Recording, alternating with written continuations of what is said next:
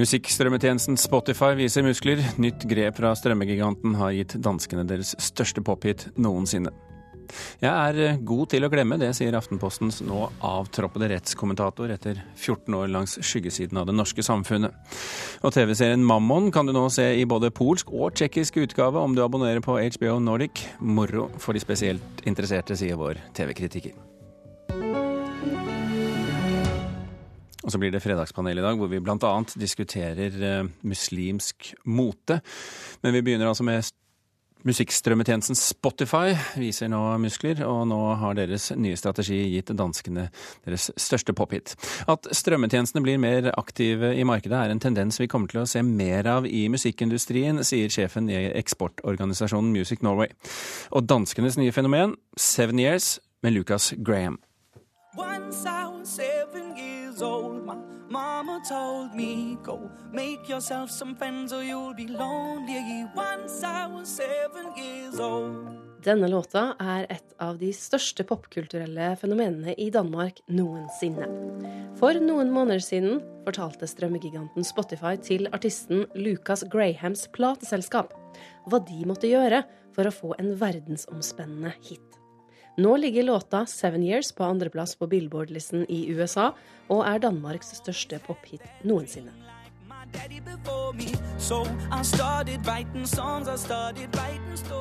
Da Spotify så at Lucas Graham lå i toppen av alle spillelistene deres i Norden, kontaktet de plateselskapet deres Warner.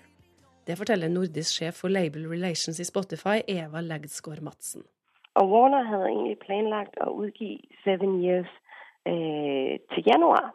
Men vi var nu i oktober og kunne se, jamen Seven Years var nummer et på alle vores øh, lister her i Norden. Og hvis nu at vi kunne få udgivet Seven Years globalt, så ville det faktisk kunne måske gå hen og blive et globalt hit, fordi så ville den allerede være på vores top 50 øh. Katrine Synnes Finnskog i Music Norway sier at Spotifys måte å jobbe på er helt ny i musikkbransjen. Spotify sitter jo på en enorm mengde med data. Og det er jo så klart eh, interessant for deg å kunne begynne å bruke den dataen til noe, og analysere den. Så det de har gjort nå, er at de har gått inn og sett på en artist som, de, eh, som det begynte å gå bra for på spillelisten i Danmark i det tilfellet her. Og så anbefalte de plateselskapet å følge med på det her, og også slippe det internasjonalt på samme tid. Eh, og det funka. Men strategien var nå da Spotify som la, og ikke plateselskapet. Og det er jo en ny tendens i plateindustrien. Det tror jeg helt klart vi vil se mer av. Fordi eh, plattformene vil etter hvert lete etter flere muligheter å tjene penger på. Både Spotify og Music Norway ser en nordisk offensiv innen popmusikken. Låter fosser frem internasjonalt. I Norge har vi bl.a. Kygo og Alan Walker. Og de neste årene kan det bli lettere å slå gjennom for nordiske artister. Årsaken er bl.a. at det er mye vanligere å strømme musikk i Norden enn i resten av verden. Når en låt først blir populær her, gir det så store utslag på listene at resten av verden plukker den opp. Og akkurat det var det som skjedde med låten Seven Years. Jeg tror norske, nordiske artister akkurat nå har et fortrinn internasjonalt. Og det er selvfølgelig et momentum som vi må utnytte. Det var Eirin Venås Sivertsen og Petter Sommer som hadde laget denne saken.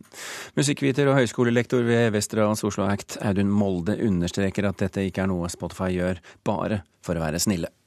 Spotify eh, gjør dette for å markere seg med goodwill overfor artister og musikkbransje. Og de gjør det selvfølgelig for å styrke markedsposisjonen sin, også i forhold til konkurrentene som de har, ikke minst i, i USA. Hvilke konsekvenser vil dette kunne få for populærmusikken? Neppe så veldig store. Dette er jo uh, litt, på en måte litt som, som et bestillingsverk uh, på en måte fra Spotify sin side til uh, en og jeg syns det er veldig tøft. Jeg var til stede på et seminar i Oslo på Bylarm hvor Spotify presenterte akkurat det prosjektet her og fortalte om det. og nå har de lykkes. Og jeg heier jo på alt som gjør at nordiske og norske artister lykkes internasjonalt. Så jeg syns dette er et veldig bra case. Det er ikke sikkert at alle kommer til å begynne å gjøre dette nå eh, av den grunn. Audun Molde til reporter Gjermund Jappé.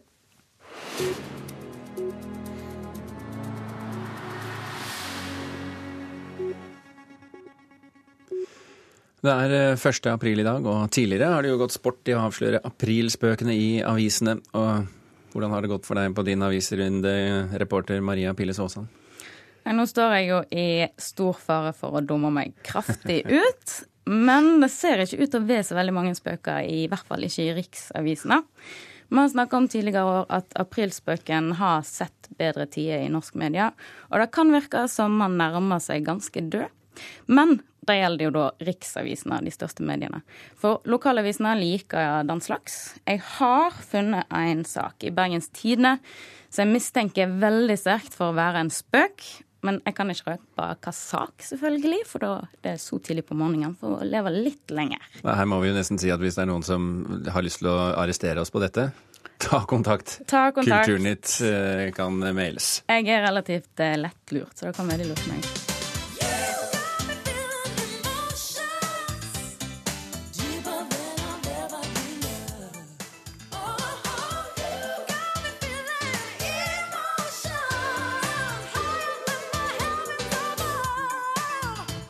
Noe som ikke er en aprilspøk, eh, det er i hvert fall at Mariah Carey holdt eh, konsert i Oslo Spektrum i går. Hva sier anmelderne, Maria? Um, de er ganske fornøyde. Divaen er fremdeles en diva, skal en tro de. Og konserten får en firer i Aftenposten og VG. Uh, Mariah Carey åpner konserten med å bli båren inn på en fløyelsdivan av seks mannlige dansere. Men det skal være et veldig bra show i ekte Carry-ånd med glitterstas og ei rekke hiter. Ja, bare for å si det, dette vi hørte her var jo originalen og ikke fra konserten. da. Det... Ja, det var vel din favorittsang, så vidt jeg forstår. Ja, det er min Mariah Carey-favorittsang.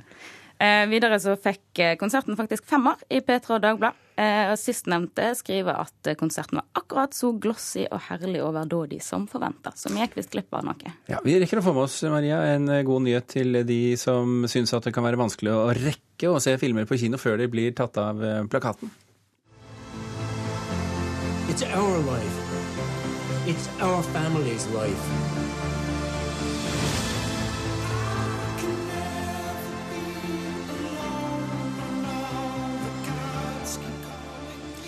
Det var lyd fra Joakim Trias sin film 'Louder Than Bombs'. og Den skal være et godt eksempel på film som kan bli en del av den nye, nett, eh, nye tjenesten Nettkino. Eh, Aftenposten skriver at bransjeforeningen Film og Kino, PR-byrået Kulturmeglerne, står bak en ny strømmetjeneste som skal åpne til høsten. Der kan du strømme filmer som akkurat har vært på kino, men ennå ikke er tilgjengelig. F.eks. Netflix og andre strømmetjenester.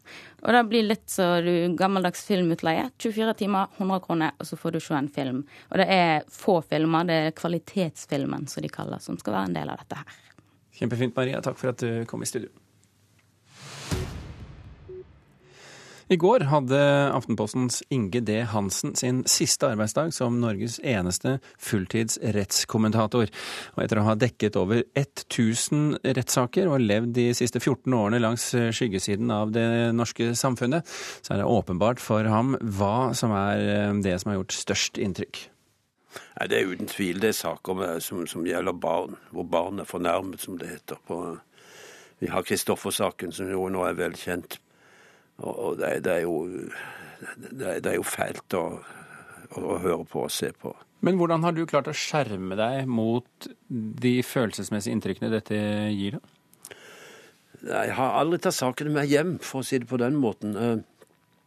Ja, Men det er da ikke mulig, er det det? Jo, altså, du kan ikke, du kan ikke stenge Kristoffer-saken ute av hodet når du går Nei, den vil alltid følge meg. Det, det, det, det vil den nok. Men, men, men når en sak pågår, så durer den i hodet mitt hele tida. Men når den er over, så går den ut igjen. For da er det nye saker. Så hvis du spør meg hvilken sak jeg hadde for, for, for, en måned siden, så må jeg faktisk tenke meg om på. Så det akkumulerer ikke i hodet ditt, dette her? altså? Du bare har en boks? Nei, heldigvis, for å si det på den måten. Du begynte jo som rettsjournalist eh, i 74 da ting så litt annerledes ut, og var annerledes. Norsk journalistikk var annerledes. Hva er den største forskjellen på 2016 og 1974? Ja, Når det gjelder eh, rettsreportasjen, så er det ikke tvil. Altså, eh, norsk presse var jo, var jo, meget servil generelt sett overfor autoriteter og myndigheter på, på Det var jo sjelden det kom noe særlig kritikk, og i retten så refererte vi jo strengt. Det var jo aldri en kommentator på plass, f.eks. Vi har eh, uh, Fritz Moen-saken er dekket en av de, den siste rettssaken mot han, hvor eh, jeg tror neppe, ut fra den bevissituasjonen, så tror jeg neppe det ville blitt tatt ut en tiltale i dag. Men hadde man gjort det, så ville du ha sett en helt annen presse eh, enn du så den gangen på 80-tallet. På hvilken måte? Nei, vi ville jo ha radbruket alt som het bevis, og, og, eh, og ikke minst lagmannens rettsbelæring den gangen. Er det en god utvikling? Det er en veldig god utvikling. Hvorfor det? Fordi at eh, Nå er jeg ikke så naiv at jeg ikke tror at det kan foregå eh, justismord i dag også. Men jeg tror det var Jeg tror faren for dette var mye større for 30-40 år siden enn i dag. Fordi at dette pressen ikke var overvåkne nok og ikke kikket eh, makta godt nok i kortene. Inge D. Hansen, takk for at du kom til Kulturnytt. Macie duże pieniądze. I to jest problem. Co można zrobić z taką kasą? Det var en fjær i hatten på folka bak NRK-serien Mammon da seriegiganten HBO kjøpte rettighetene til å lage en polsk og en tsjekkisk versjon, og nå kan de som ønsker og som abonnerer på HBO Nordic, se resultatet. TV-kritiker i NRK Filmpolitiet, Sigurd Vik, kjenner du igjen norsk Mammon i den polske og tsjekkiske utgaven? Det er i hvert fall eh, veldig mye likt fra eh, Petter Verås sin eh, journalistiske bedrifter i Akersgata og, og, nærområdet som man ser igjen. Men det er helt klart det er en annen smak når det kommer i polsk og tsjekkisk variant. Men fabelen, eller grunnhistoria, er jo den samme her, så det er veldig lett å, å kjenne igjen det som, det som skjer. Hva er det som skiller de tre versjonene, da? Nei, eh, de har jo lagt seg opp mot den der nordisk noir-paletten, eh, både den tsjekkiske og den polske, men på litt uh, ulik måte. Den polske er litt mer mørk, litt mer makaber, litt mer rett på sak, og, og journalisten uh, Pjotr, er det vel han heter i den polske versjonen, Pakt, han er litt mer sånn ensom ulv, tøffing. Mens i den tsjekkiske så er det litt lysere. Vi er mer i dagtid, vi følger redaksjonslokaler. Det er en litt annen vri på finansskandalen, som er det man skal, skal nøste opp i, i, i Mammon-verden, sesong én. Og ja, så de, de er litt ulike der. Men tilfører de nye versjonene noe som de norske produsentene kan lære noe av for eventuell sesong tre?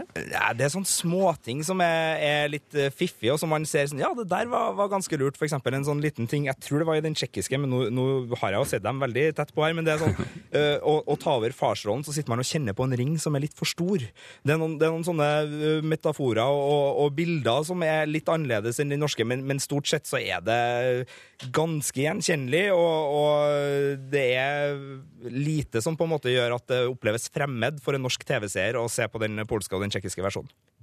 Nå har jo 20th Century Fox kjøpt rettighetene til det amerikanske markedet. Vet du noe om, om det blir produksjon der? Jeg har ikke øh, snussa meg fram til noe svar der, men øh, det er jo tydelig at det her er et manus og en, en grunnidé som er populær. Og Petter Verås har jeg jo sett snakk om flere plasser, trekkes jo fram som en veldig interessant figur å, å følge, så det er jo godt mulig at det, det kommer flere. Men sånn, for dem som er veldig glad i Mammon, så har de i hvert fall to forholdsvis omfattende runder med seks episoder hver i da polske Pakt og tsjekkiske Mammon å sjekke ut først, i hvert fall.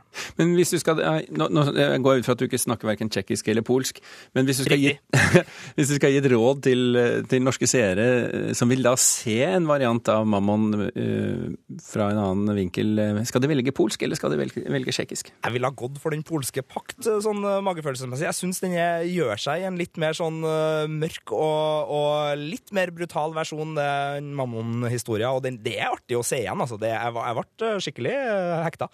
Sigurd Vik eh, i NRK Filmpolitiet, takk for at du var med oss fra Trondheim. Klokken har passert 17 minutter over åtte. Du hører på Kulturnytt, og dette er toppsakene i Nyhetsmorgen nå.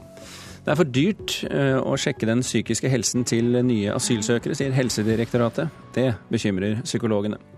Stats- og regjeringssjefer fra 52 land er samlet i USA for å finne ut hvordan verden skal sikre radioaktivt materiale. Og hver åttende person i verden er ekstremt overvektig. Det er over dobbelt så mange som i 1975. Og da har vi kommet frem til uh, ukens fredagspanel, og med oss fra Bergen har vi nå redaktør for nettstedet Broen XYZ, tidligere kjent uh, for våre lyttere som kulturredaktør i Bergen, Hilde Sandvik. Velkommen. Takk.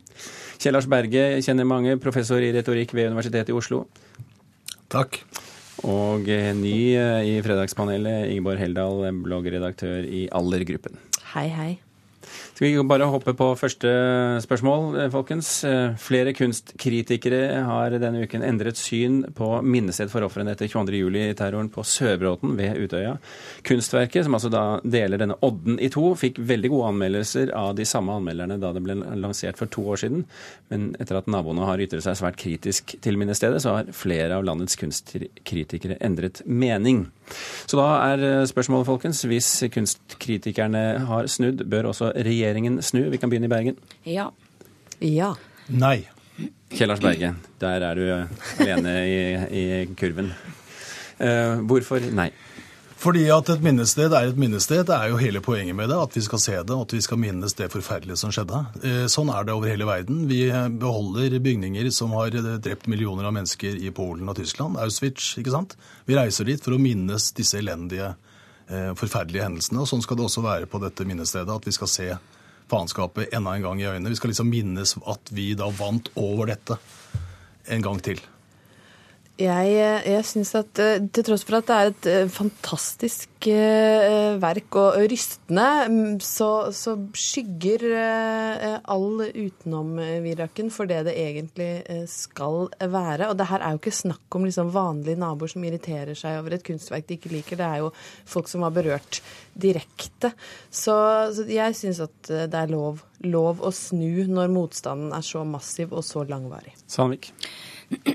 Dette er kunstverket som, som jeg òg syns når det kom, så er det veldig kraftig. Eh, men det er òg veldig konkret. Eh, det er et veldig tydelig sår. Eh, det fins altså et minnesmerke på Utøya som nettopp har i seg eh, kanskje noe av den helende karakteren som veldig sterke minnesmerker rundt i verden har. Som 3RW har lagd inne på Utøya, som, som, som, jobber i kretsløpet på naturen på Utøya på en helt annen måte.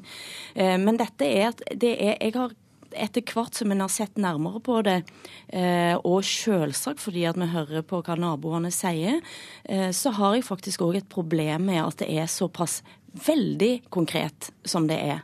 Eh, hvis du sammenligner med f.eks. Denkmal i Berlin for jødene under andre verdenskrig, så har det en helt annen sånn type Altså det, det er òg sterkt å gå der.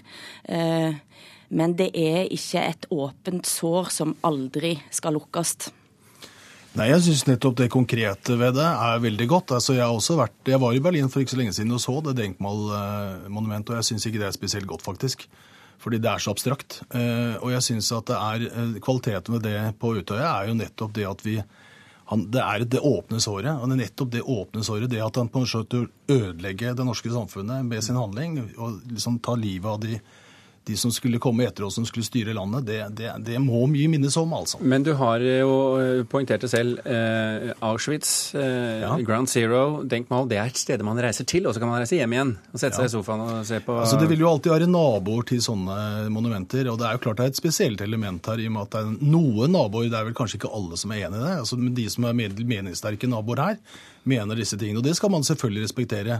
Samtidig er dette et nasjonalt monument. Jeg syns det er noe det er, liksom, det er, litt viktigere enn naboene, dette her, altså.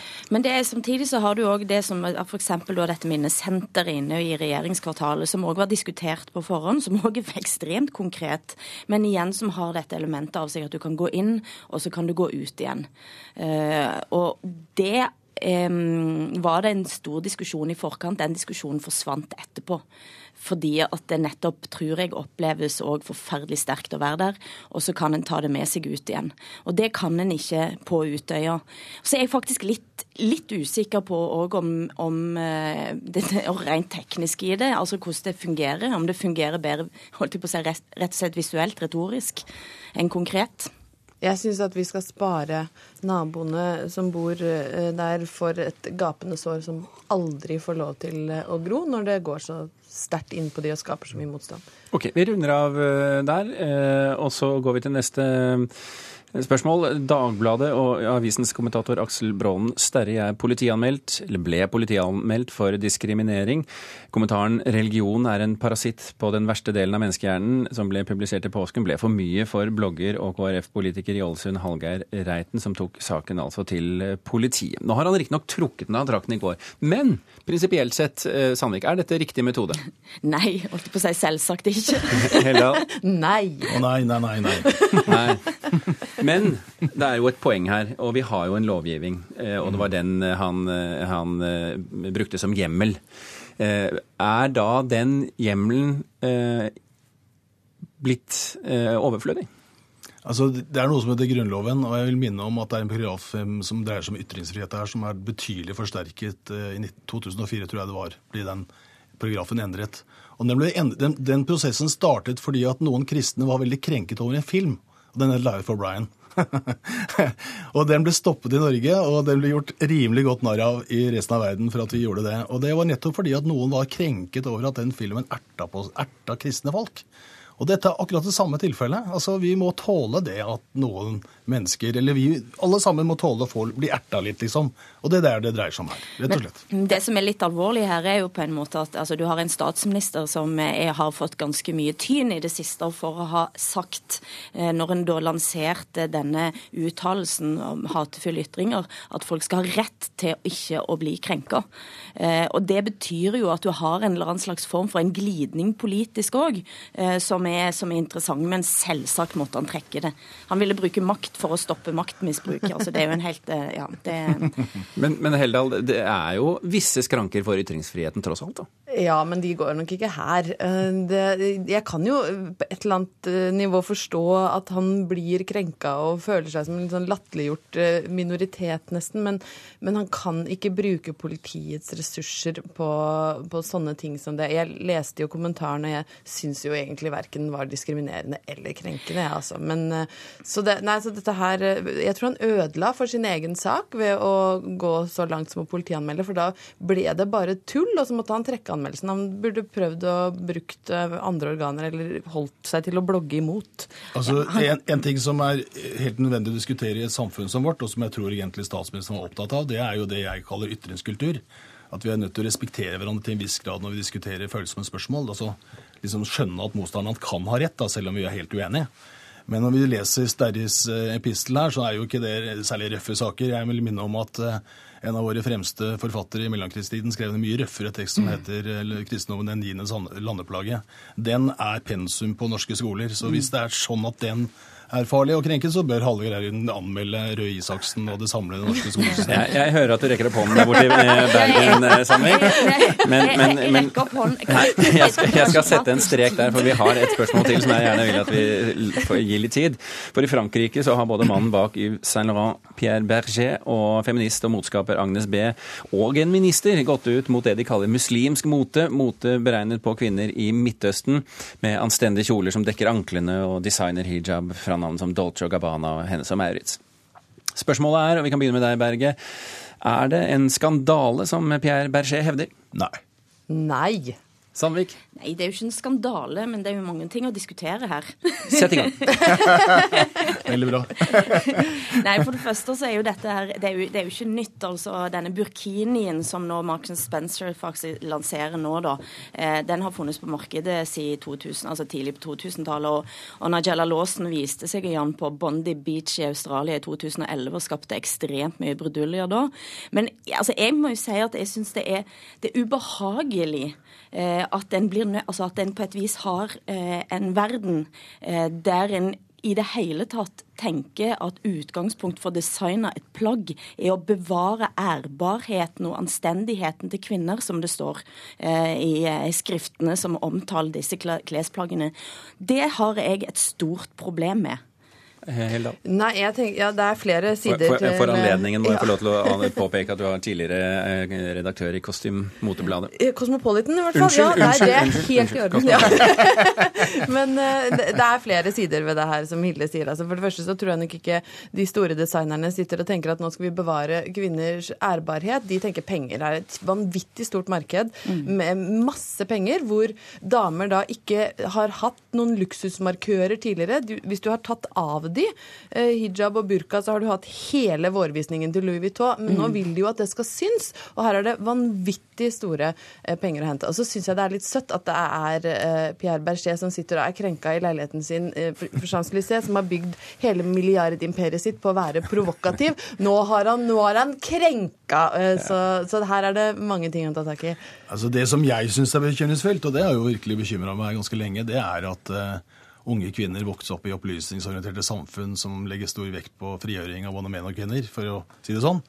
Uh, syns det er OK å gå rundt med en islamistisk uniform. altså Det syns jeg er veldig pussig. Altså, Men, men vitner, ikke, vitner ikke dette med at de driver og brekker opp den der uniform... eh, Jeg er ikke sikker på det, dessverre. Altså, det er klart det har jo med identitet og ikke nødvendigvis med religion å gjøre. Men det er litt pussig at de velger å markere seg så innmari sterkt. Altså. Altså, dette her ble jo starta Khomeini ikke sant, med sin iranske såkalte revolusjon, en reaksjonær bevegelse, som skulle liksom bringe, eller sørge for at islamsk kulturen sa nei takk til liksom opplysningsprosjektet i Vesten. Og så driver også unge kvinner, altså særlig til og med politikere altså I Sverige så har det vært hijab-opprør eller sånt. altså Politikere på venstresida har gått rundt med hijab for å støtte sine islamske søstre. Jeg syns det er veldig pussig. En blanding av en ekstremt reaksjonær bevegelse med, med sånn modernitetsuttrykk. Jeg syns det er veldig pussig. Altså. Men noe, altså det, jeg tror jo at dette, dette er en slags dette er en pendel. Eh, og jeg er holdt på å si, redd for, eh, for jeg skal bruke et sånt ord, for at vi er i ferd med å en, eh, gå inn i en ny viktoriatid. Ikke bare i, eh, i muslimsk verden, men når en ser den forrige saken vi diskuterte nå, det er en en bevegelse mot at en kan begynne å snakke om ærbarhet og anstendighet i denne type termer. Og, det gjøre gjør det helt også, naturlig. og det er også dessverre, Hilde Sandvik, en bevegelse mot Dagsnytt. Så vi er nødt til å runde av. Takk skal du ha, Hilde, for at du var med fra Bergen. Tusen hjertelig også takk til Ingeborg Heldal og Kjell Lars